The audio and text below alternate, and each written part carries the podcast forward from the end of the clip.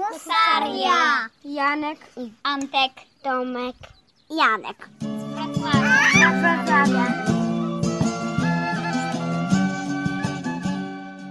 Witam Was w 83. odcinku podcastu Historia Polski dla dzieci oraz według dzieci. Dzisiaj mam aż czterech pomocników. Janka, Antka, Tomka i jeszcze jednego Janka. Pochodzą z Wrocławia i teraz są na wakacjach, ale znaleźli czas, żeby pomóc mi w tej lekcji, która będzie dotyczyć właśnie husarii. Czym była husaria? Było to wojsko, dzięki któremu Polacy wygrali wiele bitew. Byli to żołnierze, którzy potrafili pokonać armie, które były kilka albo nawet kilkakrotnie razy większe.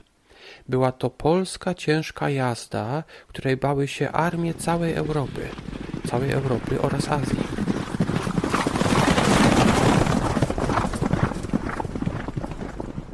Ale skąd się wzięła husaria w Polsce? Skąd się wzięło słowo husar? Od usarów. A kim byli usarzy? Serbsami. Serbs, serbskimi. Prawdopodobnie pochodzi to z języka serbskiego.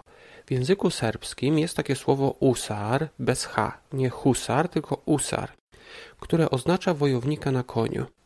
W XIV i XV wieku na Europę zaczęła najeżdżać Turcja. Najpierw zdobyła ona kraje na południu Europy. Turcja podbiła Bułgarię, a później także Serbię. Kiedy to było? Mniej więcej wtedy, kiedy Polacy walczyli pod Grunwaldem z Krzyżakami. Królem Polski był wtedy Władysław Jagiełło. W tamtym czasie Serbowie utracili swoje państwo, ale ich wojownicy, którzy nosili tą nazwę Usar, chcieli walczyć dalej. Turcja po pokonaniu Serbii zaatakowała Węgry.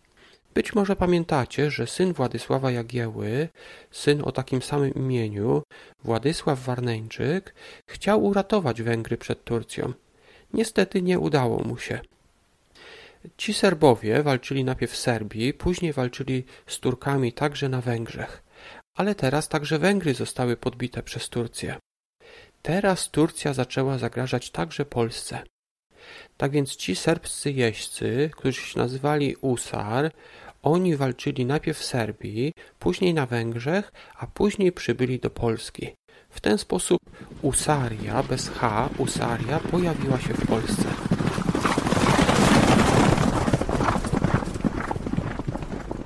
Zanim jednak przejdziemy do tych bitew, w których brała udział husaria, porozmawiamy o koniach i o uzbrojeniu. Po pierwsze, husaria potrzebowała bardzo dobrych koni. Na jakich koniach jeździli husarze?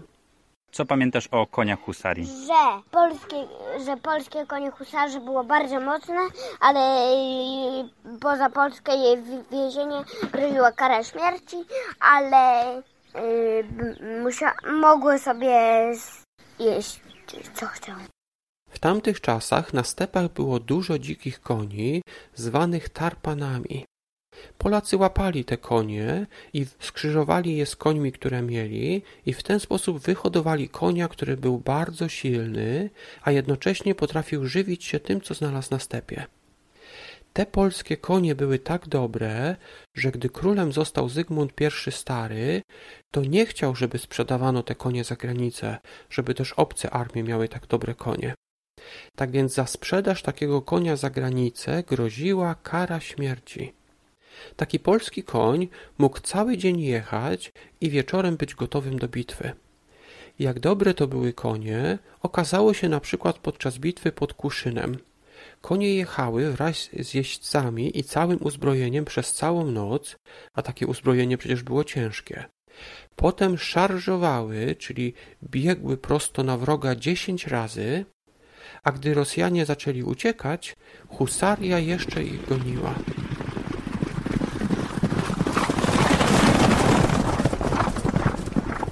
Teraz zajmijmy się uzbrojeniem husarii.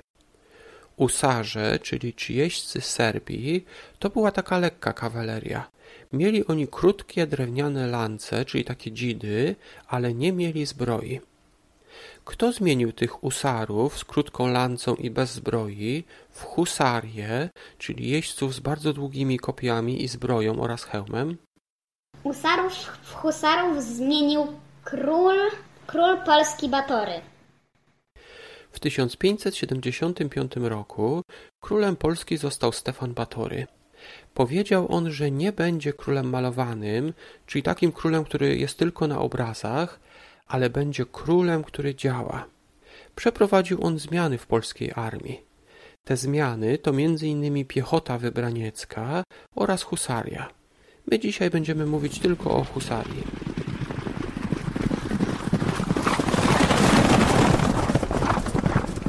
Najważniejszą bronią husarii była kopia. Kopie, czyli takie bardzo długie dzidy dla jeźdźców, używano w całej Europie. Być może widzieliście turniej rycerski, na którym dwóch rycerzy jedzie naprzeciw siebie.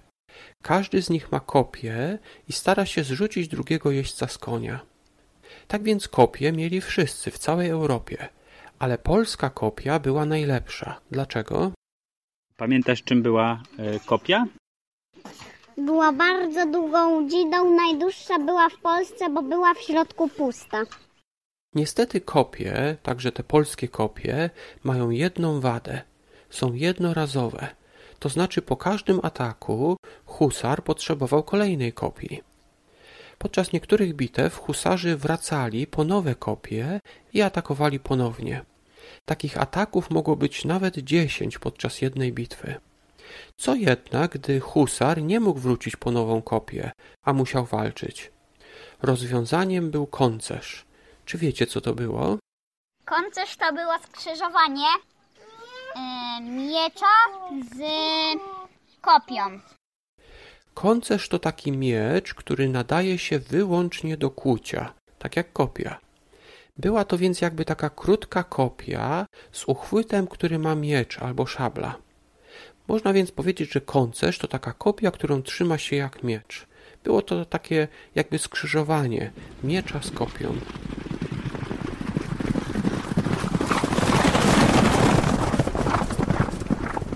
Oprócz kopii, koncerza i innego uzbrojenia, husar miał też zbroję i hełm. Polscy husarze mieli lepszą zbroję od usarów, którzy mieli tylko skórzane kaftany. Zbroja husarów to jednak nie była ciężka zbroja, jaką nosili rycerze na zachodzie Europy. Oni mieli tak ciężkie zbroje, że na konia wsiadali przy pomocy dźwigu. Jaką zbroję miała polska husaria? Lekką, ale za to chroniła jej. Tak więc polscy husarze mieli lepszą zbroję niż ci serbscy usarze, ale mieli lżejszą zbroję niż rycerze na zachodzie. Polscy husarze mieli też taki specyficzny, czyli łatwo rozpoznawalny hełm. Jak on wyglądał? Były okrągłe z nosalem, czyli ochroną na nos, uszami, na, y, takimi na uszy i policzki i na kark. Hełm husarza był z pozoru takim zwykłym okrągłym hełmem, jednak do niego zostały przyczepione cztery rzeczy. Z tyłu było nadkarcze, które chroniło kark oraz szyję z tyłu. Hełm miał też po każdej ze stron ochronę na uszy i policzki, a z przodu był nosal. Ten nosal można było podnieść, aby lepiej widzieć i później opuścić go przed bitwą, przed walką. I w ten sposób taki nosal chronił podczas bitwy. Jak wyglądał taki hełm, można zobaczyć chociażby na odznace dywizji pancernej generała Maczka. Postaram się dodać ten obrazek do tej audycji.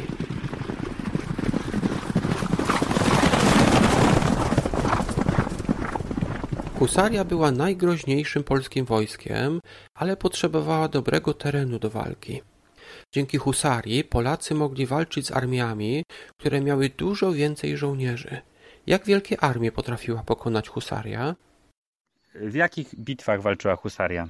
Na przykład bitwę pod Wiedniem, gdzie, Polak, gdzie husarzów było 3000, a, a Turków 300 tysięcy.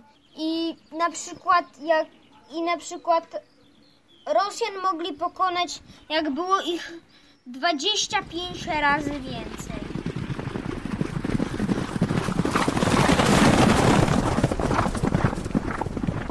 12 września 1683 roku król Polski Jan III Sobieski przybył na pomoc stolicy Austrii, czyli na pomoc Wiedniowi. Polskie oddziały przeszły przez taki lasek, czego Turcy się nie spodziewali.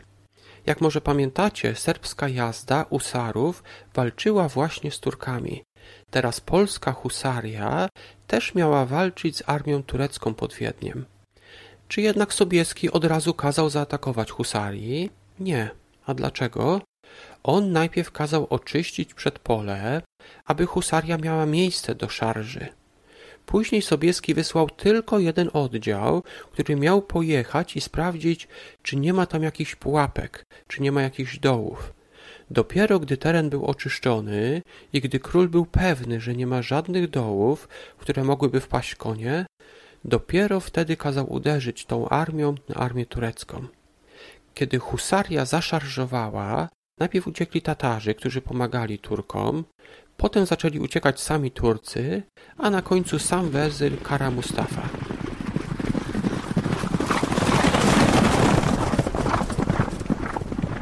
Można powiedzieć, że ta bitwa pod Wiedniem to było jedno z największych zwycięstw polskich, jedno z największych, jedna z największych szarży polskiej husarii. Oczywiście Polacy wykorzystywali husarię nie tylko do walki z Turkami, ale także z Rosjanami, Szwedami i innymi wojskami. Husaria była tak strasznym wojskiem, tak się inne armie tak mocno się jej bały, że na przykład armia szwedzka przy pewnej bitwie nie chciała walczyć z armią polską, nie chciała walczyć z armią polską, chociaż Szwedów było kilkakrotnie razy więcej. Wiedzieli oni, że chociaż Polaków jest mało, to oni mają husarię. Później inne kraje chciały naśladować polskich husarów i na przykład Rosjanie zrobili swoją własną husarię. Ale ci rosyjscy husarze nie potrafili nawet wyjechać z miasta. Zapomnieli opuścić kopie przed bramą i wszystkie kopie roztrzaskały się o bramę. Jak oni, jak husaria jechała, to trzymała kopie do góry, jednak przed bramą trzeba było je opuścić, bo kopie były za długie i nie mieściły się w bramie.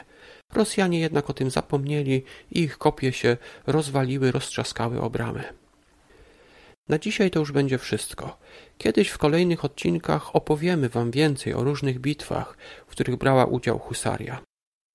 Musicie jednak uważać, aby nie pomylić husara z huzarem.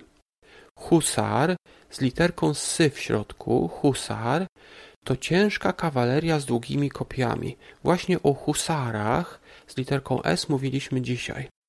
A huzar z literką z w środku to taki konny jeździec, ale bez kopii. Husarze z tą literką S, husarze byli w Polsce, a huzarze z literką z byli w Austrii. Tak więc pamiętajcie, że dzisiaj mówiliśmy o husarach i nie pomylcie ich nigdy z huzarami. Teraz się już z Wami żegnam. Dziękuję też za pomoc Jankowi, Antkowi, Tomkowi oraz drugiemu Jankowi. Do usłyszenia w kolejnej audycji.